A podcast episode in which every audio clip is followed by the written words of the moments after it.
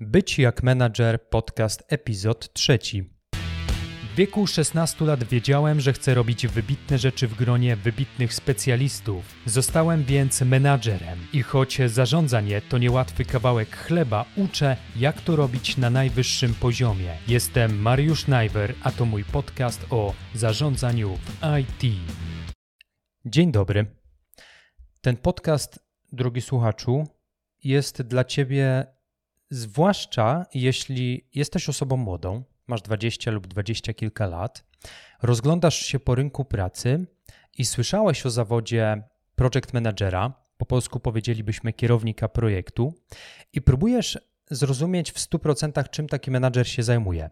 I czy ta rola mogłaby potencjalnie być dla ciebie i mogłaby stanowić pomysł na twój dalszy rozwój zawodowy. Ja dzisiaj chciałem na czynniki pierwsze rozłożyć ten pierwszy etap wchodzenia w życie zawodowe, e, w rolę project managera. Chciałem bardzo, e, bardzo skrupulatnie rozłożyć na pewne etapy tę drogę, którą ja sam przechodziłem i którą być może ty także przejdziesz, starając się o pierwszą posadę project e, managera w firmie informatycznej. I pomyślałem, że ułożę to w takie siedem solidnych kroków, siedem naprawdę mocno ugruntowanych etapów, które myślę, że kiedy przejdziesz i przebrniesz przez nie, to naprawdę ogromnie zwiększysz swoje szanse na to, żeby dostać pracę jako project manager w firmie informatycznej. To oczywiście nie będzie e, stanowisko zaawansowane, w sensie poziom e, seniorski tego stanowiska nie będzie zaawansowany, to będzie stanowisko juniorskie lub mm, też e, asystenta project managera, ale jeśli przebrniesz przez te siedem kroków, o których dziś opowiem, twoje szanse naprawdę bardzo wzrosną i ogromnie ogromnie wesprzesz sam siebie w tym, żeby tę pracę jako project manager dostać. Ja sobie stworzyłem Twój profil, drogi słuchaczu, czyli wyobraziłem sobie tak naprawdę, tworząc e, skrypty do tego podcastu i przygotowując e, dane i informacje, które chcę Ci przekazać, stworzyłem sobie pewien Twój obraz. Wyobraziłem sobie, kim jesteś, jakie są Twoje ambicje, i e, dzięki temu jest mi dużo łatwiej skierować ten przekaz, ponieważ jestem w stanie sobie wyobrazić, do kogo tak naprawdę mówię. Wyobrażam sobie, że masz 20 lub 20 kilka lat, lub może trochę mniej. E, tak jak wspomniałem na początku, rozglądasz się powoli po rynku pracy, słyszałeś o zawodzie kierownika projektu, tudzież project managera w firmach IT i próbujesz rozeznać się, czym jest tak naprawdę ta rola, bo gdzieś intuicyjnie czujesz, że być może pasujesz właśnie do bycia project managerem w przyszłości. E, chcesz się rozwijać w tym kierunku, ale nie do końca wiesz od czego e, zacząć. Zakładam także, że nie jesteś pewien, czy sprawdzisz się w tej roli, to są pytania, jedno z pytań, które sobie zadajesz. I oczywiście chciałbyś wiedzieć rzecz, nie, nie wiem czy najistotniejszą, ale jedną z najważniejszych, czyli ile mógłbyś zarobić jako taki project manager. Zakładam także, że zastanawiasz się, czy potrzebujesz ukończyć jakieś konkretne studia lub y, uczelnie wyższe lub dodatkowe kursy, żeby dostać pracę w tym zawodzie. Chcesz wiedzieć, skąd czerpać wiedzę, skąd y, czerpać informacje i inspiracje na temat zarządzania projektami w IT. Zakładam, że jesteś ciekaw, czy warto robić y, właśnie jakieś certyfikaty lub szkolenia online, które być może pomagają w znalezieniu odpowiedniej e, pracy na tym stanowisku. Jeśli tak, to jakie to mogą być certyfikaty? I koniec końców zastanawiasz się, czy powinieneś znać język angielski, a jeśli tak, to w jakim stopniu, żeby dostać robotę jako project manager. Na te a także kilka innych e, wątpliwości i pytań spróbuję dziś znaleźć e, odpowiedzi, tak żeby zaspokoić Twoją ciekawość. Spróbuję także, aby to był pewnego rodzaju poradnik, i kompleksowa wiedza, jak krok po kroku zostać project managerem. Zakładając, że na dzień dzisiejszy nie masz żadnego doświadczenia w tym, e, widziałeś kilka filmów na YouTube, na przykład, jak to się robi, ale nie skubnąłeś żadnej praktyki dotychczas. I gwarantuję ci, i mówię to z pełnym przekonaniem, że jeśli poprawnie wykonasz te siedem kroków, jeden po drugim, o których dziś opowiem, to piekielnie zwiększysz swoje szanse na wejście do branży IT i na pozostanie w tej branży na dłużej. Googlowałem trochę, zanim zacząłem przygotowywać ten podcast. I gdybym dziś był 20-20 parolatkiem, to miałbym problem, żeby znaleźć taki poradnik.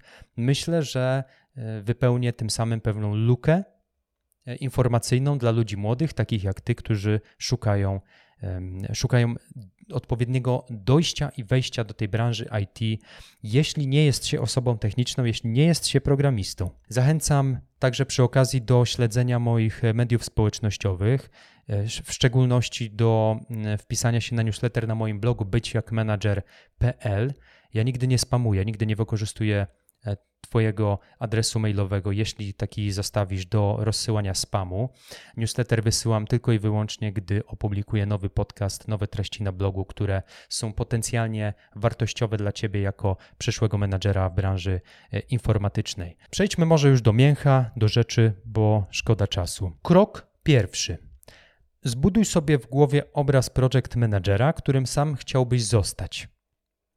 Zaraz wytłumaczę, jak to zrobić. Wyjaśnimy sobie najpierw, y, kim jest project manager. O ile słowo manager w, tej, w tym dwuczłonowym zwrocie wydaje mi się zrozumiałe, manager tłumaczylibyśmy po prostu kierownik po polsku, to co to oznacza ten project? Czyli projekt po polsku, czyli menadżer projektu, kierownik projektu w dosłownym tłumaczeniu. Otóż project nie jest słowem zarezerwowanym tylko dla branży IT.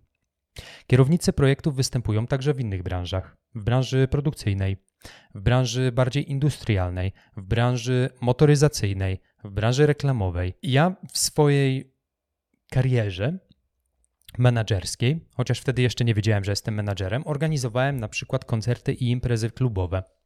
Byłem także DJ-em. I organizowanie takich e, koncertów to także był swego rodzaju project management, chociaż e, dziś powiedzielibyśmy, że project manager Taki koncertowy to jest bardziej event manager.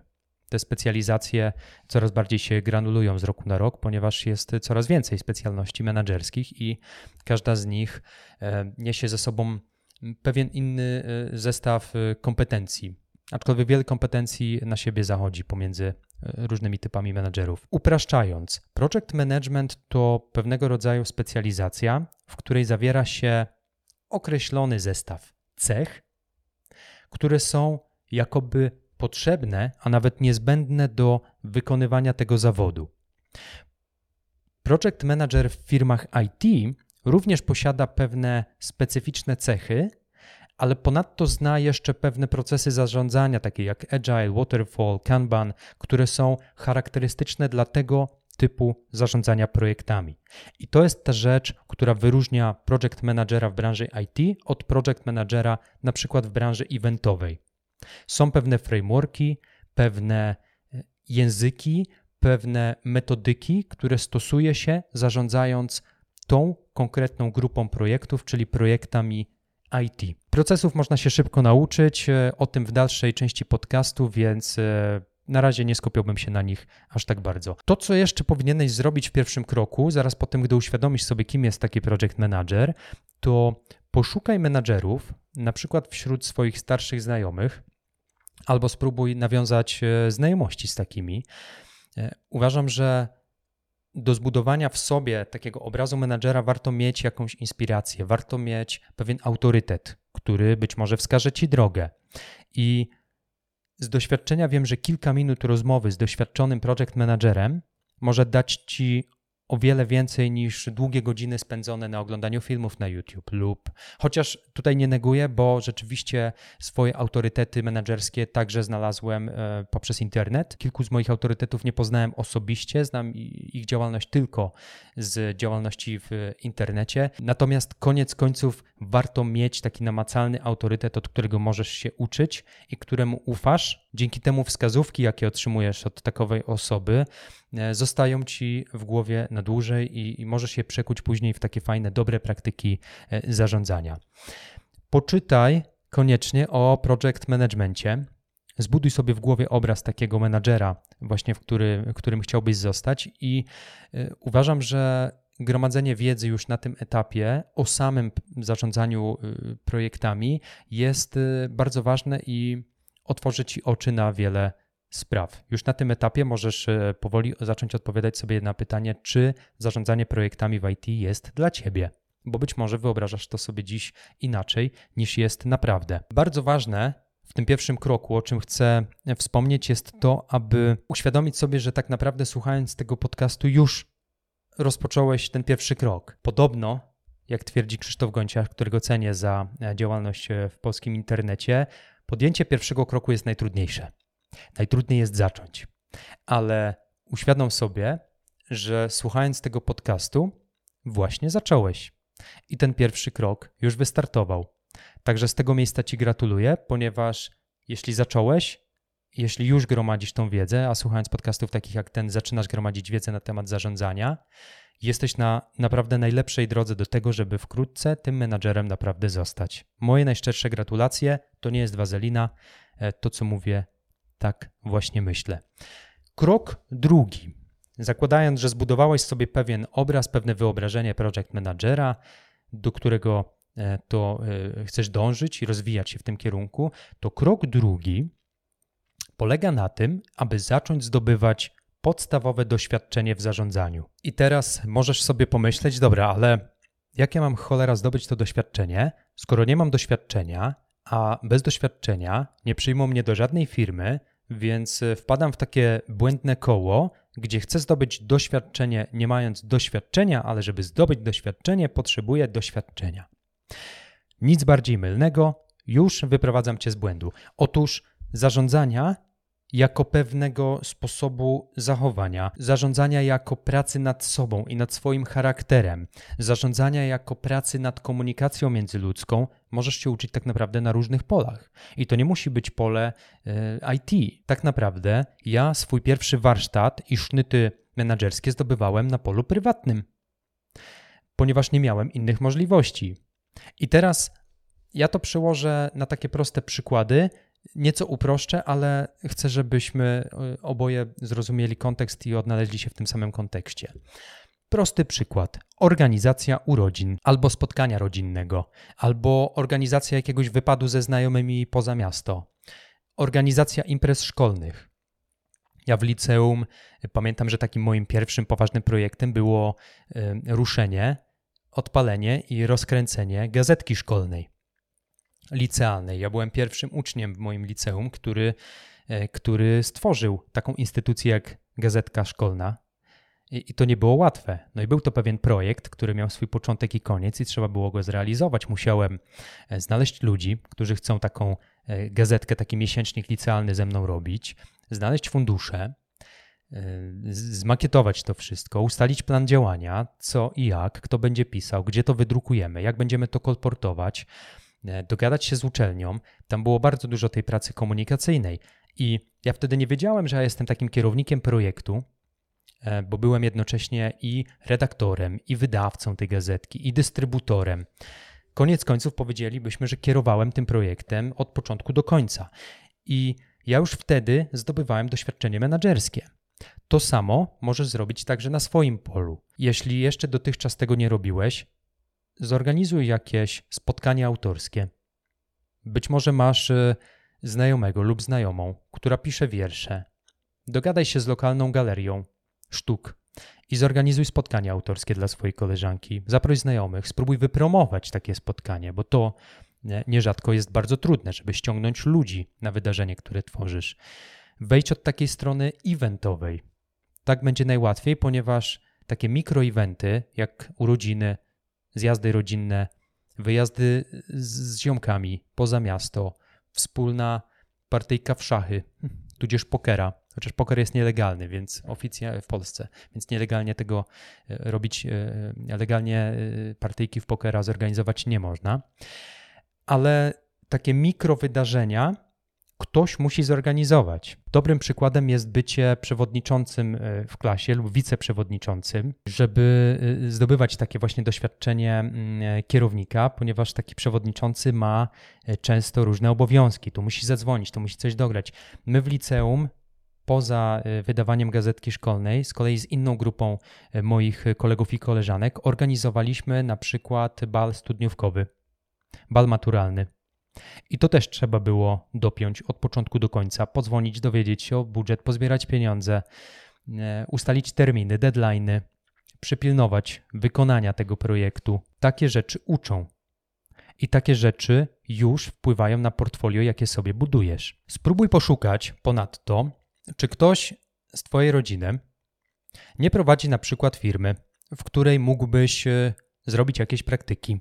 Popytaj po ciociach, po wujkach, popatrz po kuzynach. Być może któryś z Twoich wujków prowadzi sklep i trzeba tam e, zrobić e, jakąś ogólną inwentaryzację lub przemeblować ten sklep. Ale najpierw trzeba pomyśleć, jak go przemeblować. Spróbuj znaleźć sobie zajęcie, to już mówię tak bardzo ogólnie, zajęcie, dzięki któremu będziesz wypracowywał w sobie te umiejętności, jakie są niezbędne do podjęcia pracy jako menadżer. O tych cechach e, powiem za chwilę jeszcze więcej. Myślę, że fajną sytuacją byłoby znalezienie e, jakiegoś wujka lub cioci, która posiada swoją firmę i chce zrobić e, może jakąś imprezę firmową. To wtedy przyjmij na klatę takie zlecenie, zaproponuj swoją rolę w tym wydarzeniu, rolę jako kierownika, obiecaj wujowi, tudzież cioci, tudzież kuzynowi, że ty to zrobisz za darmo, e, żeby zdobyć doświadczenie i że dopniesz wszystko od początku do końca. Dzięki temu będziesz miał doświadczenie. A koniec końców ciocia, wuj lub e, inny właściciel firmy, który jednocześnie jest członkiem twojej rodziny, później może wystawić ci referencję. Krok drugi zakłada także, żebyś spróbował dowiedzieć się, jakie są twoje silne a jakie słabe strony zarządzania. I Twój charakter ma tutaj ogromne znaczenie.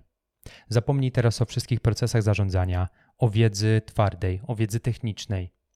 Skup się tylko i wyłącznie na Twoim charakterze. W kroku drugim bowiem musisz sobie odpowiedzieć na następujące pytania. Jak sobie radzisz w negocjacjach? Czy jesteś dobry w negocjacjach?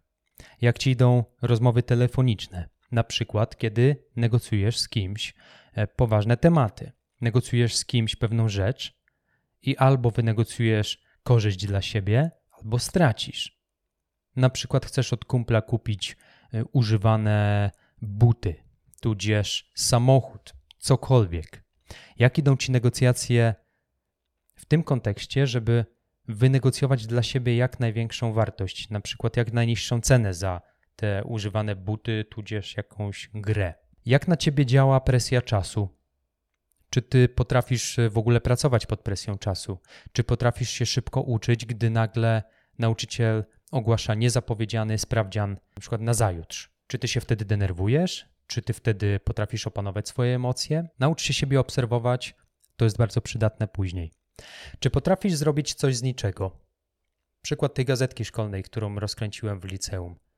Gazetki nie było, przyszedł Mariusz, gazetka jest. Zero-jedynkowy przykład tego, jak zrobić coś z niczego. Zastanów się, czy ty w przeszłości już zrobiłeś coś z niczego, a jeśli nie, to pomyśl, co mogłoby to być. Odpowiedz sobie na pytanie, czy potrafisz inspirować innych do działania. Czy gdy opowiadasz o jakimś swoim nowym pomyśle, inni cię słuchają, czy raczej patrzą na zegarek lub zaczynają obgryzać paznokcie, żebyś już skończył ich nudzić? Umiejętność zarażania innych swoją pasją i celem, który ty sobie zakładasz, umiejętność zjednywania sobie ludzi, solidaryzowania ludzi ze sobą nawzajem, to jest jedna z podstawowych e, kompetencji i cech menadżera. Co ciebie motywuje? Czy jak stoi ktoś nad tobą z batem, to ciebie to motywuje? Czy potrzebujesz mieć bat nad sobą? Ponieważ w branży informatycznej to project manager jest tym batem.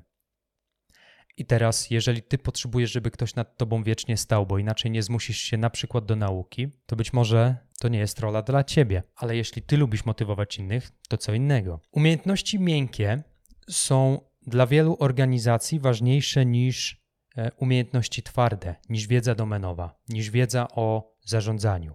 I uwierz mi, że ten drugi krok żeby zacząć zdobywać te podstawowe doświadczenie, czyli głównie skupiać się na e, swoim charakterze i wypracowywać sobie te umiejętności miękkie, które będą podwaliną dla Twojego przyszłego doświadczenia, jest rzeczą krytyczną na początku tej drogi od zera do project managera. Zastanów się także na koniec już tego drugiego kroku, czy potrafisz przyjąć na klatę konstruktywną krytykę.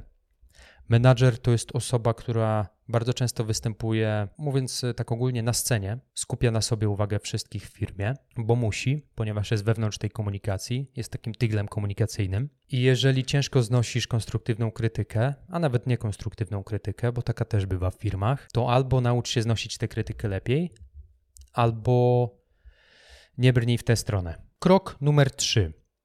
Kiedy już uporasz się z umiejętnościami miękkimi. Oczywiście to nie jest tak, że się uporasz z umiejętnościami miękkimi i, i tyle.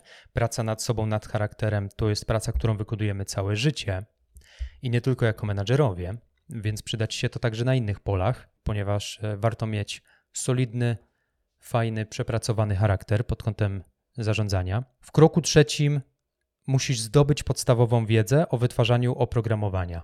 I tutaj już wchodzimy w tę konkretną specjalizację. Przede wszystkim to zaciekaw się tym, jak wygląda branża informatyczna od środka. Poznaj teren, pogoogluj podstawowe pojęcia.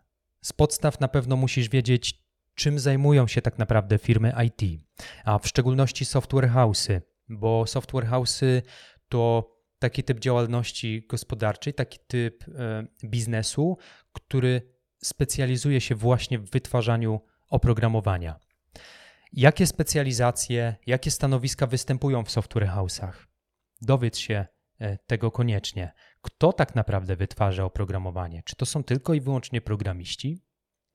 Dowiedz się, czym się różni frontend od backendu. Musisz wiedzieć, czym różni się deweloper backendowy od frontendowego i jak w stosunku do tych obu ról ma się tak zwany full stack developer. To, o czym mówię, to są absolutne podstawy. Ja ich tutaj nie wyjaśniam, ponieważ chcę cię świadomie przymusić do tego, żebyś wyrobił w sobie nawyk dowiadywania się e, po swojej stronie e, i wyszukiwania informacji własnoręcznie na, e, na temat różnych zagadnień dziedzinowych. Nie chcę ci wszystkiego podać na tacy, troszkę specjalnie utrudniam ci to zadanie, nie dając ci wszystkiego tak, jak to, jak to wygląda, ale podsuwam pytania, które które e, musisz przejść, musisz przepracować. Musisz się także dowiedzieć, jaka jest różnica pomiędzy aplikacjami, uwaga, webowymi, desktopowymi, a mobilnymi. Musisz wiedzieć, dla jakiego typu użytkowników robi się aplikacje webowe, czym się różni webówka od desktopu i czym się różnią aplikacje webowe mobilne od mobilnych natywnych. W ramach kroku trzeciego zachęcam Cię także do zajrzenia na mój blog byciakmanager.pl, gdzie opublikowałem pod tym nagraniem listę zagadnień, jakie powinieneś opanować. Umieściłem tam także odnośniki do przydatnych stron, artykułów, y, które pomogą Ci te zagadnienia poznać. Gdybyś miał pytania, e, nie bój się ich zadawać e, do mnie w wiadomościach prywatnych i koniecznie zapisz się na newsletter na mojej stronie, aby otrzymywać ode mnie wiadomości e, zawsze, gdy wrzucę nowy podcast do sieci. Nawet jeśli brzmi to jak słaba autoreklama, to jestem przekonany w 99%, że na początku tej Twojej drogi zawodowej te treści, które przedstawiam, e, mogą wnieść naprawdę bardzo dużo wartości do e, Twojej, e, do twojej kariery jako przyszłego menadżera. Po tym, jak poznasz wszystkie te podstawowe pojęcia związane bezpośrednio z branżą IT, przejdź do kroku numer 4. Zacznij budować portfolio. I teraz zapytasz, jak budować portfolio, skoro nie jestem nigdzie zatrudniony jako menadżer. Otóż, stań się stałym bywalcem forów internetowych. Musisz naprawdę zaktywizować e, swoje, swoją obecność w internecie w konkretnych miejscach. Dowiedz się, jak znaleźć grupy i fora menedżerskie. Ja ze swojej strony rekomenduję, żebyś założył konto na serwisie LinkedIn, jeśli jeszcze tego nie zrobiłeś, i tam zacznij odnajdywać e, grupy project managerskie i profilaktycznie i doraźnie zachęcam, żeby przebiec się po polskich e, e, forach internetowych, chociaż nie tylko polskich, zagranicznych także, i pozapisywać się do nich. Wiedzy i komunikacji nigdy e, za wiele, zwłaszcza tej branżowej. Zapisuj się także na darmowe konferencje i webinary. Jaki to ma związek z budowaniem portfolio? Otóż każda konferencja, każdy webinar każda aktywność tak naprawdę w polskim e, i zagranicznym internecie związana z branżą menedżerską to jest maleńka cegiełka do Twojego portfolio, do Twojego doświadczenia, do Twojej wiedzy na temat zarządzania projektami. Dlatego bądź aktywny w czasie takich wydarzeń internetowych jak konferencje, webinary, szkolenia. Zadawaj pytania, bardziej doświadczonym kolegom i koleżankom, jak zostać project managerem, od czego zacząć. Bierz poprawkę na to, co mówię. Ja przedstawiam subiektywny punkt widzenia, ale kiedy pozbierasz opinię także od innych menadżerów, to wyrobisz sobie swoją opinię na temat tego, jak wejść do tej branży lub jak stawać się coraz lepszym project managerem, jeżeli już e, zacząłeś stawiać pierwsze kroki w tej dziedzinie. Czy powinieneś robić jakieś certyfikaty? Otóż ja jestem fanem certyfikatów tylko w momencie, gdy naprawdę ich potrzebujemy, czyli gdy wymaga ich klient lub firma, z którą potencjalnie chcesz nawiązać współpracę, lub gdy ten certyfikat da ci wiedzę, jakiej naprawdę potrzebujesz i chcesz e, mieć na konkretnym etapie swojego rozwoju zawodowego. Robienie certyfikatów tylko po to, żeby ładnie błyszczały na liście e, wśród innych certyfikatów, jakie zrobiłeś w przeszłości, nie ma większego sensu, bo stracisz czas, a w tym czasie możesz e, zrobić coś, co da ci o wiele większą wartość. Na przykład e, wyjechać na konferencję lub te pieniądze, które wydasz na certyfikację, spożytkować na na przykład jakieś publikacje lub książki, które dadzą ci więcej praktycznej wiedzy niż przygotowywanie się do tego lub innego certyfikatu. Jeżeli chodzi o robienie certyfikatów, to pamiętaj, że najdroższe nie jest e, samo podejście do egzaminu, ale te kursy przygotowawcze do certyfikatów. Kursy robione najczęściej przez firmy prywatne. Tym bardziej warto się zastanowić, czy ty takiego certyfikatu potrzebujesz. Ja obecnie zamiast przepalać środki na szkolenia, na certyfikaty, lokuję je w lekcjach języka angielskiego, którym co prawda posługuję się dość sprawnie, ale mam jeszcze wiele miejsc do usprawnień i ulepszeń moich e, zdolności językowych, bo jestem na poziomie gdzieś pomiędzy B2 a C1, więc tutaj jeszcze sporo pracy mnie czeka. Uznałem, że większą wartość do tego, co robię, wniesie jeszcze lepsze posługiwanie się językiem angielskim niż kolejny certyfikat. W początkowej fazie rekomendowałbym zapomnieć o certyfikatach. E, certyfikat nie jest e, tak naprawdę potrzebny, żeby dostać także pierwszą pracę w IT. E, raczej wiedząc, e, że nie masz doświadczenia wielkiego i że tak naprawdę rozpoczynasz swoją drogę z IT, nie wiem, czy któryś pracodawca byłby zainteresowany i atakował cię gradobiciem pytań na temat certyfikatów, jakie zrobiłeś. Na wyższych poziomach menedżerskich, tak, tam już pewne certyfikacje mają znaczenie. Aczkolwiek to nie jest tak, że cię y, próbuje zniechęcić do certyfikatów, bo jeżeli masz zdolności finansowe, a także czasowe, do it, jakby go for it, jak najbardziej. Każdy kolejny certyfikat może e, ładnie ubarwić Twoje egzotyczne CV i dać Ci trochę nowej e, wiedzy lub otworzyć oczy na dane e, zjawisko, na przykład w tej, w tej dziedzinie menedżerskiej. Zamiast certyfikatów jednak, jeśli pytasz mnie o alternatywę, poszukaj tanich kursów internetowych o podstawach zarządzania projektami. I tutaj w szczególności rekomenduję Ci Udemy, gdzie kursy nie są drogie, po promkach e, fajny kurs można skupnąć za niecałe 50 zł. Ja Udemy eksploatuję dość mocno w ostatnich latach. Nie trafiłem jeszcze na kurs na Udemy, który byłby dla mnie czasem i pieniędzmi straconymi. To jest naprawdę bardzo fajna wiedza, najczęściej e, przedstawiona w sposób e, bardzo skondensowany. Ci wykładowcy na Udemy, którzy nierzadko utrzymują się z przygotowywania takich kursów, czyli robią to zawodowo, szanują Twój czas, podając Ci wiedzę w bardzo prosty, zrozumiały i szybki sposób. Z takich kursów nauczysz się na przykład podstaw takich jak zarządzanie w metodykach zwinnych, nauczysz się z kursów nierzadko darmowych kursów internetowych, także z filmów na YouTube, czym jest Agile Scrum i dlaczego jest taki popularny. Dowiesz się także, czym jest Waterfall, czyli kaskadowy model zarządzania. Zarówno Agile Scrum, jak i Waterfall to są metodyki, które musisz znać, a przynajmniej wiedzieć, czym się od siebie różnią. Listę ciekawych kursów znajdziesz też w opisie tego podcastu na moim blogu. Zachęcam do zajrzenia. Z kursów dowiesz się także, czym różni się Project Manager na przykład od Scrum Mastera albo Product Ownera. Taką wiedzę dostarczy Ci również słuchanie mojego podcastu, ale nie chcę się powtarzać. Zbieraj certyfikaty, znowu pojawia się słówko certyfikaty, ale w, nieco innym kontekście. Otóż zbieraj certyfikaty takiego uczestnictwa w kursach i eventach internetowych, rób zdjęcia, rób zrzuty ekranów, kiedy uczestniczysz w webinarze, buduj swoją sieć kontaktów na LinkedIn.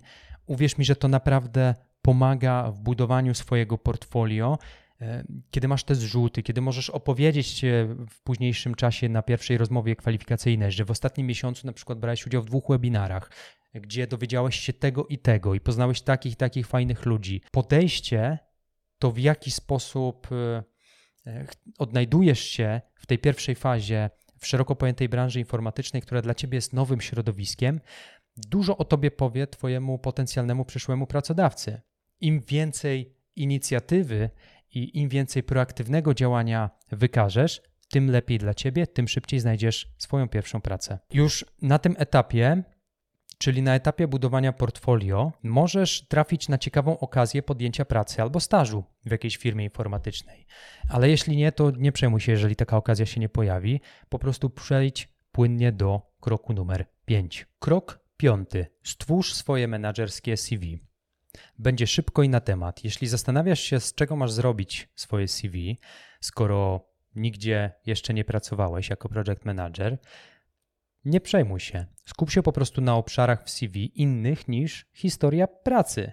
Chyba, że masz już za sobą jakieś praktyki, na przykład w firmie wujka zajmującej się produkcją wapna, o której wspominaliśmy wcześniej. W CV musisz pokazać, że chcesz się rozwijać w tym kierunku. Wypisz najlepiej od bullet pointów, wszystkie kursy, szkolenia, webinary, o których przed chwilą rozmawialiśmy, aby zaznaczyć wyraźnie w CV, że aktywnie bierzesz udział w tego typu wydarzeniach w internecie, ponieważ jesteś chłonny, jesteś żądny wiedzy. I naprawdę chcesz się rozwijać właśnie w kierunku zarządzania projektami, a uczestnictwo w takich kursach jest dowodem na to, że mm, nie, nie jesteś teoretykiem, że nie opowiadasz o tym, ale realnie działasz w tym kierunku i w tym temacie. Pole hobby w swoim CV jest często niedoceniane przez kandydatów, którzy tworzą właśnie swoje CV-ki, a to jest jedno z takich pól, na które pracodawcy bardzo często zwracają uwagę. To pole hobby, gdzie wypisujemy swoje zainteresowania, mówi o tobie więcej niż myślisz. Zawód menadżera się opiera przede wszystkim na relacjach międzyludzkich. I stąd Twoja osobowość, a za Twoją osobowością kryją się właśnie Twoje zainteresowania, Twoje hobby, odgrywa tutaj kluczowe znaczenie. Nie podchodź ignorancko do pola Twoje hobby, wypisz tam naprawdę różne, fajne, ciekawe zainteresowania, jakim poświęcasz czas e, prywatny. Załącz zdjęcie do swojego CV, nawet jeśli kłóci się to z Twoim światopoglądem, ja wciąż nie rozumiem niektórych ludzi, którzy twierdzą, że ja nie dołączam CV, ponieważ nie muszę, to jest wbrew e, RODO, jakiejś polityce poprawności politycznej i tak. Powiedzmy sobie dwa słowa o poprawności politycznej, pieprzyć to. Załącz zdjęcie, ponieważ będąc na miejscu pracodawcy, tudzież rekrutera, ja bym chciał wiedzieć, kogo zapraszam na rozmowę kwalifikacyjną. Koniec kropka. Zrób sobie ładne zdjęcie, uśmiechnij się, niech ono nie będzie smutne, niech to nie będzie zdjęcie z legitymacji szkolnej. Matko Boska, bo niektóre CV właśnie takie zdjęcia posiadają. Ja przemaglowałem około 60-70 CV w mojej karierze menedżerskiej, gdy poszukiwaliśmy młodszych menadżerów do projektów i niektóre CV od razu lecą do kosza, chociażby przez formę, w jakiej zostały przygotowane. Podeślij to CV kilku osobom, zanim zacznie się gdziekolwiek rozsyłać. Na przykład swoim znajomym, swojej rodzinie. Niech twoi znajomi i rodzina ocenią to CV. Nawet jeżeli nie pracują w tej branży, to uwierz mi, że kilka, mm, kilka e, ciekawych rzeczy możesz e, e, wyłapać dzięki swoim znajomym, ponieważ oni być może znajdą na przykład błędy językowe, albo czcionka będzie nieczytelna. List motywacyjny. To jest ciekawa kwestia. Jeżeli jest jakaś firma, którą masz na oku, do której w szczególności chciałbyś zaaplikować, to napisz taki list motywacyjny. Ale nie pisz tego listu wszystkim firmom i też nie pisz tego listu na bazie jakiegoś szablonu, bo uwierz mi, że szablony i paterny wykorzystywane przez kandydatów rozsyłających CV bardzo łatwo wyłapać i może to być odebrane jako pewna arogancja że gość do nas wysyła CV, a list motywacyjny klepnął na szablonie i zmienił tylko nazwę firmy. Napisz od serca po prostu, lepiej niech to będą trzy zdania, że bardzo ci zależy na pracy w tej firmie, ponieważ cenisz się za to i za to i że może wnieść taką i taką wartość, bo w liście motywacyjnym powinieneś się skupić na tym, jaką ty wartość wniesiesz do firmy, a nie e, a nie w jaki sposób ty skorzystasz. Więc przygotuj takie CV, taki list motywacyjny, jeśli uważasz to za zasadne. Jeżeli chcesz, to podeślij takie CV, list motywacyjny do mnie na prywatną skrzynkę, którą znajdziesz na moim blogu byciakmanager.pl. Ja nie obiecuję, że spojrzę na to CV, bo jeśli przyjdzie mi ich kilkadziesiąt, to pewnie nie spojrzę na wszystkie, ale nie zaszkodzi spróbować. CV oczywiście, jeśli czujesz się na siłach, to przygotuj w języku angielskim. Będzie to dodatkowym plusem. Natomiast jeżeli nie jesteś w stanie przygotować na tym etapie CV w języku angielskim, to zaznacz wyraźnie w swoim CV, że czynnie uczysz się właśnie języka angielskiego, po to, żeby pracodawca wiedział, że nawet posiadając wymaganie na to stanowisko, że trzeba znać język angielski, to jest niemal pewien, a przynajmniej ty dajesz sygnał swojemu pracodawcy potencjalnemu, że w niedalekiej przyszłości będziesz tym językiem operował, ponieważ właśnie czynnie i aktywnie się go uczysz. Odradzam tworzenie CV od zera. Są ku temu y, szablony, Tutaj o ile szablon dla listu motywacyjnego odradzam, o tyle szablon w przypadku CV doradzam, ponieważ e, większość z nas nie jest e, webskimi designerami. Ja na przykład nie mam umiejętności, powiedziałbym, e, graficznych, dlatego często posiłkuję się różnymi szablonami w sieci, ale mówię tutaj o szablonach graficznych, o układzie strony itd., tak itd. Tak w sieci jest mnóstwo darmowych szablonów, możesz pogooglować. Ja osobiście polecam Ci aplikację Canva, która posiada bardzo wiele darmowych szablonów. Samo korzystanie z aplikacji e, przez przeglądarkę internetową także jest darmowe. Linkuję w opisie tego podcastu na swoim blogu. Krok szósty. Przejdź do działania lub w skrócie działaj. Tak nazwiemy ten krok. W tym kroku chodzi tylko o to, aby zacząć walczyć o każdą rozmowę kwalifikacyjną. Otóż rozsyłasz CV, ale nie do 30 firm, tylko powiedzmy do 5. Nie spamujesz swoim CV dziesiątek firm, naiwnie czekając na odpowiedź, bo wierzysz w statystykę, że jak wyślesz 100 CV, to e, jedna czy dwie firmy odpowiedzą. Tak to nie działa. Wyślij CV do maksymalnie pięciu takich top firm, do których chciałbyś uderzyć, a następnie pokaż, że potrafisz być uparty, ale nie arogancki. Ubieganie się o rozmowę to jest dla ciebie dobry sprawdzian jako przyszłego project managera.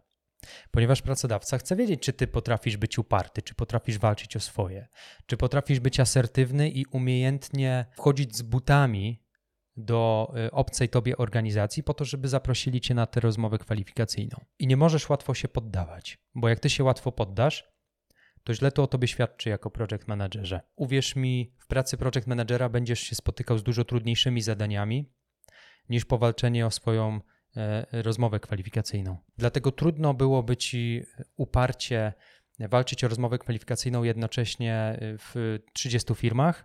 Stąd moja rekomendacja, żeby skupić się na pięciu firmach i próbować do skutku, w sensie próbować na maksa, a do kolejnych firm zacząć rozsyłać swoje CV tylko w ostateczności, gdy nie uda ci się dostać ani pracy, ani stażu w tych pierwszych topowych firmach. I nie zrażaj się. To jest jakby też e, taka dewiza kroku numer 6. Jeżeli firmy będą ci odmawiać, weź to za dobrą monetę i poproś o konstruktywny feedback, żebyś wiedział, czego się jeszcze douczyć. Krok numer 7 jest niezwykle ważny dla ciebie, jako project managera przyszłego. Otóż krokiem numer 7 jest wygranie tej rozmowy kwalifikacyjnej, jaką dostaniesz. I krok numer 7 mówi właśnie o tym, jak się przygotować do rozmowy kwalifikacyjnej tak, żeby zwiększyć swoje szanse i dostać tę robotę. Przygotowując się do rozmowy kwalifikacyjnej, dowiedz się jak najwięcej o firmie, z którą będziesz rozmawiał. Jeśli na przykład y, dostałeś zaproszenie do kalendarza na pierwszy etap rekrutacji, na rozmowę i widzisz nazwiska uczestników y, tej pierwszej rozmowy, to sprawdź te osoby na LinkedIn, poczytaj ich profile, dowiedz się trochę więcej o tych osobach, które będą cię rekrutować. Zawsze warto poznać, nie chcę powiedzieć swojego wroga, bo to są twoi potencjalni współpracownicy, ale warto znać swoich e, partnerów w biznesie. Zastanów się, jakie są twoje silne strony. Tu jest odbicie do pierwszego kroku, gdy robiłeś sobie taki rachunek sumienia i ty musisz ten rachunek sumienia zrobić sobie jeszcze przed rozmową kwalifikacyjną i naprawdę warto nazwać po imieniu twoje silne strony, a także twoje słabe strony, nad którymi chcesz pracować. Na koniec kroku siódmego, bardzo ważny podpunkt, przygotuj odpowiedzi na potencjalne pytania rekruterów. Na przykład, co spowodowało, że rozglądasz się po rynku pracy i wysłałeś CV właśnie do nas? Takie pytanie może ci zadać rekruter. Takie pytania także ja zadawałem młodszym kolegom menadżerom. Kolejnym pytaniem może być: czym dla ciebie jest project management? Przygotuj sobie odpowiedź na to. Oczywiście, udzielając odpowiedzi e, na e, pytania, do których wcześniej się przygotowałeś, nie mów tego tak, jakbyś się tego naprawdę wyuczył. Raczej nie staraj się uczyć odpowiedzi na pamięć i klepać regułek, tylko swoimi słowami, czym tak naprawdę jest dla ciebie project management. Spróbuj to sobie ogarnąć. Naprawdę nic na, e, nic na pamięć, tak e, będzie ci się rozmawiać po prostu łatwiej. Kolejnym pytaniem jest, jakie najważniejsze obowiązki lub kompetencje menadżera mógłbyś wskazać? Czyli jakie są te obowiązki i kompetencje? Według ciebie. I tutaj też nie klep regułek z internetu. Skąd czerpiesz wiedzę i inspirację do zarządzania projektami? I tutaj też możesz wskazać właśnie kursy, webinary, które przeszedłeś itd., tak itd. Tak Pokaż, że ci zależy i że ty chcesz się rozwijać w tym kierunku. Jak widzisz siebie w tym zawodzie za kilka lat? To jest podobno najgłupsze i najczęściej krytykowanie pytanie rekruterskie, a ja wciąż twierdzę, że ono ma sens. Ponieważ to, jak ty sobie siebie wyobrażasz za kilka lat, zwłaszcza jak jesteś na początku tej drogi menedżerskiej, to jest potencjalnie informacja dla pracodawcy, czy on w niedalekiej przyszłości ewentualnie widziałby cię na wyższym stanowisku menedżerskim. W skrócie, czy może liczyć na to, że oni jako firma są w stanie wesprzeć Twój rozwój, bo jeżeli Ty powiesz, że chcesz się rozwijać w tym kierunku i tak dalej, to być może firma, do której e, startujesz, już posiada pewne szkolenia, e, frameworki, wewnętrzne warsztaty dla e, menadżerów, którymi mogłaby Cię wspierać w dążeniu do celu menedżerskiego. I ostatnie pytanie, dlaczego uważasz, że zarządzanie jest właśnie dla Ciebie? I tutaj możesz się wykazać na 100 różnych sposobów. Znajdź odpowiedź, która odwzorowuje to, kim jesteś, i kim chcesz być, będąc w roli menadżera, kim chcesz być dla innych ludzi. Zadaj sobie to pytanie bardzo szczerze i bardzo szczerze na nie odpowiedz. Dlaczego project management, bycie kierownikiem projektu, to e, zawód dla ciebie. I to by było na tyle, jeżeli chodzi o 7 kroków, dzięki którym możesz radykalnie wręcz zwiększyć swoje szanse na otrzymanie pracy jako project manager, nawet jeżeli nie posiadasz jeszcze doświadczenia w tym temacie. Po raz kolejny to powtórzę, że jeśli przyłożysz się sumiennie do tych 7 kroków, to ty tę pracę znajdziesz, prędzej czy później. Ale ja wierzę, że prędzej. Wszystko zależy od tego, jak sumienny jesteś i jak bardzo ci zależy. Uwierz mi, że po drugiej stronie jest bardzo wielu pracodawców, którzy z otwartymi rękami przyjdą, przyjmą osoby niedoświadczone, ale które mają odpowiednie nastawienie do tego zawodu i odpowiednie podejście do siebie samych, którzy potrafią znosić konstruktywną krytykę, którzy chcą się rozwijać. Jest ogromny niedobór znakomitych menadżerów. To powoduje, że pracodawcy często zatrudniają młodszych menadżerów, którzy dobrze rokują, ponieważ wśród doświadczonych menadżerów jest po prostu niedobór na rynku. I to jest niezwykle duża szansa dla ciebie, żeby wpasować się właśnie w ten e, rynek e, menedżerski e, w branży informatycznej. Ja wiem, że nie wyczerpałem dziś całego tematu. Być może spodziewałeś się gotowych odpowiedzi, a ja tutaj podesłałem tylko pewne wskazówki, czyli co powinieneś zrobić. Ale zrobiłem to z premedytacją, ponieważ chcę Cię uświadomić, że Twoje powodzenia i Twoje sukcesy w tej branży zależą tylko i wyłącznie od Ciebie. Żeby wyzbyć się już na początku myślenia roszczeniowego i myślenia życzeniowego. Spodziewam się, że kilka osób prędzej czy później napisze do mnie: e, Najwer, ty dałeś 7 kroków, ja te 7 kroków zrobiłem i dupa. Ja od pół roku nie potrafię sobie znaleźć pracy. Ale jak zacznę pytać głębiej i dowiadywać się, dlaczego ten i inny krok ktoś potraktował e, troszkę po macoszemu, nie za bardzo się zaktywizował na przykład na różnych forach menedżerskich, nie za bardzo chciało mu się brać czynny udział i aktywny w webinarach i tak dalej, no to wyjdzie z takiej rozmowy, że ktoś po prostu był niewystarczająco sumienny, żeby te roboty dostać. Odpowiadając jeszcze na pytanie, ile zarabia project manager, bo nie wspomniałem. Junior, taki asystent project managera, zarobi, wydaje mi się, od 4,5-5 tysięcy złotych netto. Taką stawkę ja byłbym w stanie młodemu, ambitnemu człowiekowi dać już na wejściu 5 tysięcy netto. Natomiast po dwóch, maksymalnie trzech latach doświadczenia, ta stawka może urosnąć dwukrotnie do 10, nawet 11 nawet 12 tysięcy złotych netto, bo tam jeszcze są różne podatki po drodze, w modelu B2B, czyli gdzie zakładasz własną działalność gospodarczą. Tego bym Ci życzył, żebyś jak najszybciej gromadził wiedzę i doświadczenie i pamiętaj, że to jak wygląda koniec końców Twoja wypłata będzie zależeć od tego, ile masz wiedzy, doświadczenia, jakie masz umiejętności miękkie, jakie jest Twoje podejście, ile jest pasji w Twoim zarządzaniu i Jaki kierunek rozwoju dla siebie obrałeś? Jeżeli chcesz wejść do tej branży tylko dlatego, że słyszałeś, że tu jest szybki i łatwy pieniądz, to rozczaruję cię, nie znajdziesz dla siebie miejsca w tej branży. Ponieważ jest bardzo mało ludzi w tej branży z podejściem takim, że najpierw hajs, a później to dam coś od siebie. Tak to nie działa. Życzę Ci wszystkiego dobrego. Raz jeszcze zachęcam Cię do e, wpisania się na newsletter na blogu byciakmanager.pl, śledzenia mojego Instagrama, e, YouTube'a Spotify i tak dalej, i tak. Słyszymy się zapewne niedługo. E, więcej grzechów nie pamiętam, za wszystkie serdecznie nie żałuję. Wszystkiego dobrego, dbaj o siebie i innych. Cześć.